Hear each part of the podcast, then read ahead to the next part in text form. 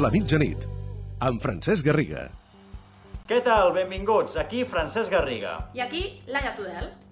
S'acaba el 17 de març i avui per fi s'han començat a prendre decisions. D'entrada, la UEFA ha decidit ajornar l'Eurocopa. Té lògica, és una bona decisió. Abans acabem les competicions que tenim en joc i després ja en començarem de noves. Però atenció que ha parlat Rubiales i afecta el Barça i a l'Espanyol. Diu Rubiales que s'ha de jugar tot, per tant el Barça no seria campió i que descarta de sí o sí la Lliga de 22. Per tant l'Espanyol no podria salvar-se de forma administrativa.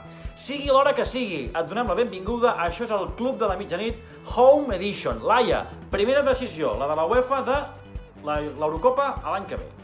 Sí, una reunió molt important de la UEFA que s'ha produït avui per videoconferència entre les federacions i els clubs per decidir que no es juga l'Eurocopa aquest estiu. Es posposa l'any que ve, l'Eurocopa serà l'estiu del 2021 i així donen més marge que es puguin acabar i finalitzar les competicions europees com l'Europa League i sobretot la Champions. Tenim dates ja per aquestes competicions? No hi ha res confirmat, però d'entrada, home, l'Eurocopa, que serà el 2021, doncs eh, sembla que començaria el divendres 11 de juny i aniria fins al diumenge 11 de juliol, això pel que fa a l'Eurocopa. Si ens fixem en la Champions, la idea seria, per exemple, una idea que tenen, seria de tornar el dimarts 5 de maig, veuríem com es disputen les eliminatòries i després, que segurament seria una partit únic, més ràpid, i la final, doncs ara mateix estaria prevista pel dissabte 27 de juny. No sé si estarà angry o happy el Carles Fiter amb aquestes decisions. Ens ho diu. Carles Fiter, què et sembla tot plegat? Hola, doncs jo trobo que és una solució absolutament encertada. És el que havia de fer la UEFA. I entenc que ets interdat, eh? Perquè és una qüestió fàcil. És a dir, tota l'Eurocopa, el que comporta i tal, eh, no, era, no era, era complicat. Però ara, un cop s'ha fet, és assenyat. I escolta'm, el més important és que es puguin acabar les competicions. És a dir, no té cap sentit, per molt que ara el Barça vagi primer, va, ja ha guanyat la Lliga el Barça. Eh, o baixa aquest, o no baixa ningú. Escolta'm, les competicions s'han de jugar eh, com són, no? 38 jornades, enfotar-te dos, eh, a tots els equips a casa i a fora, la Champions has de lluitar fins al final a doble partit i almenys no, no canviar a mitja temporada les regles de principi de temporada. Per tant, jo crec que el més sensat és que s'aturi tot això un mes i ara amb aquest mes extra es pugui acabar tot. Escolta'm, i si s'ha d'acabar a principis de juliol i es fa una moratòria en els contractes perquè duri un mes més, que es pugui fer això i escolta'm, eh, tant de bo torni el futbol aviat i podem disfrutar de la Lliga de la Champions fins al final i les seleccions ja les trobarem l'any vinent. Però també tenim notícies de la Lliga Laia perquè avui roda de premsa de Luis Rubiales i atenció, perquè ha mostrat clarament quina és la postura de la federació que va bastant en, lliga, en joc amb el que deia la Lliga per com acabar la temporada. Sobretot important, que les lligues s'acabaran, tant la primera com la primera, la segona divisió es competirà fins al final aquest any, aquesta temporada. Veurem, una altra cosa és quan finalitza la temporada. La idea és que es faci abans del 30 de juny, però també ha dit que si s'allarga i ha de ser i arribar a la Lliga fins al juliol, no passa res, malgrat que això impliqui modificar la temporada que ve. I sobretot important, ha descartat rotundament que es pugui jugar l'any que ve una Lliga de 22 equips, per tant, el descens eh, somiat, diríem, de l'Espanyol que es podria aconseguir, entre cometes, als despatxos, doncs no podria ser perquè Rubiales diu que la Lliga de 22 no existirà. La permanència de l'Espanyol. Bé, a veure com ho veu el Xavi Salvatella. Recordeu que l'últim dia del programa ens deia que ell creia que anul·lar la temporada era el més factible i era el que l'Espanyol demanava. Xavi Salvatella, què et sembla això? Hola, amics del Club de la Mitjanit, ja ho veieu? Tebas i Rubiales s'han posat d'acord. I per què creieu que dos personatges absolutament antagònics i irreconciliables sembla que es posen d'acord? Pels interessos. Pels diners. Volen, precipitadament, anunciar que es pot acabar la Lliga. I ho fan quan encara avui el coronavirus té una corba enorme de contagi a tot l'estat espanyol. És absolutament irresponsable estar parlant ja de posar en risc la salut dels futbolistes només pels interessos econòmics. És absolutament irresponsable estar avui tractant aquest tema quan Espanya està col·lapsada, Espanya, Europa i gairebé tot el món està col·lapsat amb una pandèmia com mai no havíem vist en els nostres dies. Si us plau, Rubiales, Tebas, com a mínim, esperin. Tenim la Lliga controlada, els Jocs Olímpics no tant. I això que els del Comitè Olímpic Internacional, Laia, no sé si s'ho estan agafant amb calma, però com a mínim decisions no n'estan prenent encara. No, no se veuen un panorama diferent. Perquè ells de moment diuen que no toquen res, que tot queda igual, per tant, de moment es mantenen els Jocs Olímpics d'aquest estiu, que començarien el 24 de juliol i es disputen al Japó. De moment, cap modificació important. El nostre company, el Lluís Cervelló, ens posa una mica de context. Doncs de moment es manté la data del 27 de juliol, segurament l'única decisió que es pot prendre ara mateix i la més sensata i la més lògica, tenint en compte que queden 4 mesos i 10 dies per aquesta data del 27 de juliol.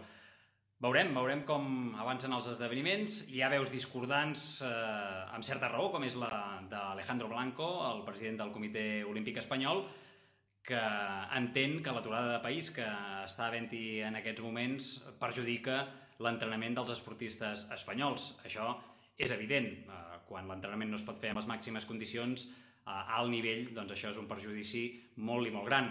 A partir d'aquí, si aquest és un motiu per dir que els eh, esportistes han d'anar o no a aquests Jocs Olímpics, evidentment caldrà veure com evoluciona tot, quan dura aquesta aturada, si afecta més països i quina envergadura té tot plegat.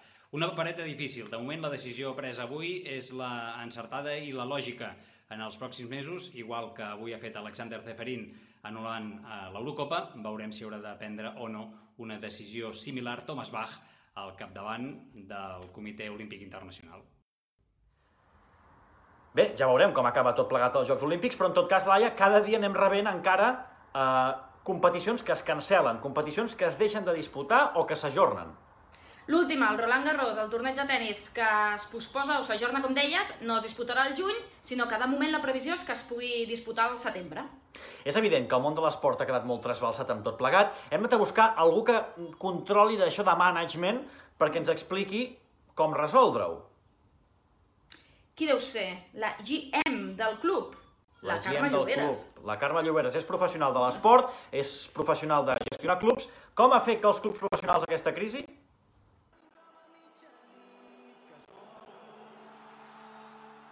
Aquesta aturada en el món de l'esport d'elit pot ser catastròfica depèn del nivell de cada un dels clubs.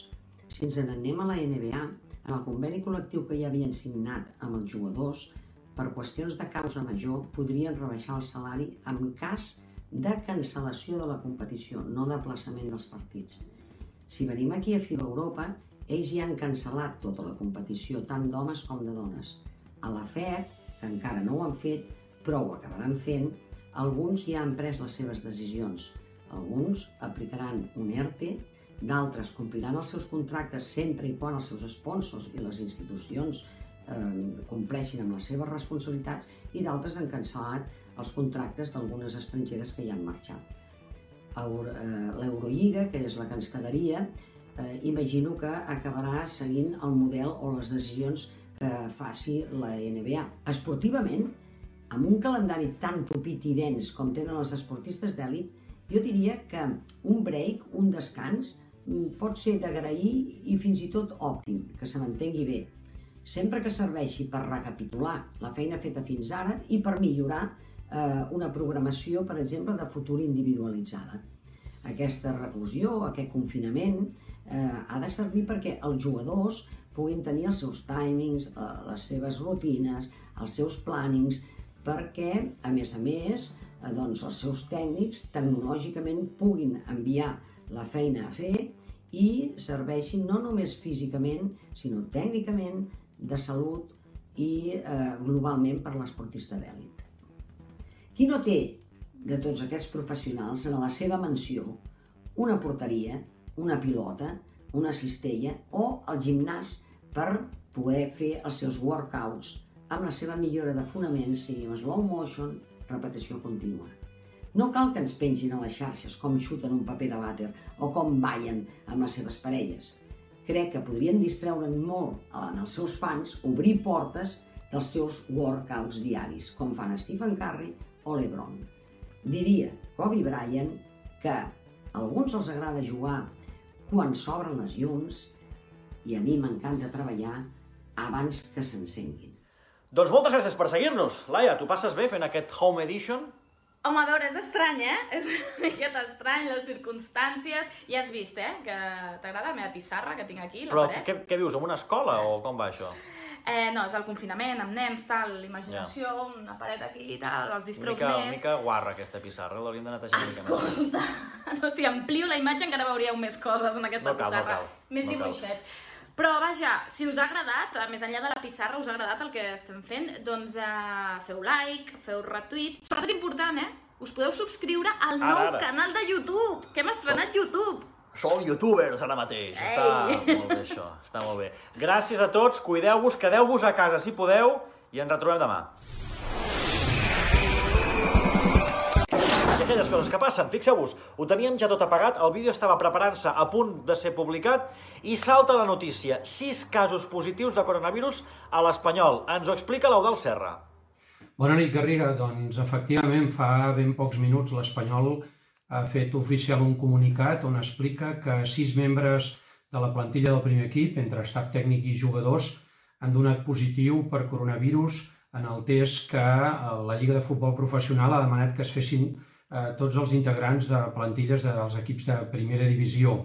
En aquest comunicat, que és molt breu, diu que els jugadors ja tenen les els jugadors i els membres de l'estaf tècnic que estan afectats tenen ja les indicacions que han de seguir a partir d'ara i que tots ells eh, doncs presenten a hores d'ara símptomes lleus, és a dir, que cap d'ells té una situació més complicada. És un text, un comunicat molt escuet que ha fet públic l'Espanyol, com dèiem fa uns minuts, i on informa d'això, que s'han donat eh, en aquest cas ja els primers sis casos per positiu de coronavirus a la primera plantilla de l'Espanyol.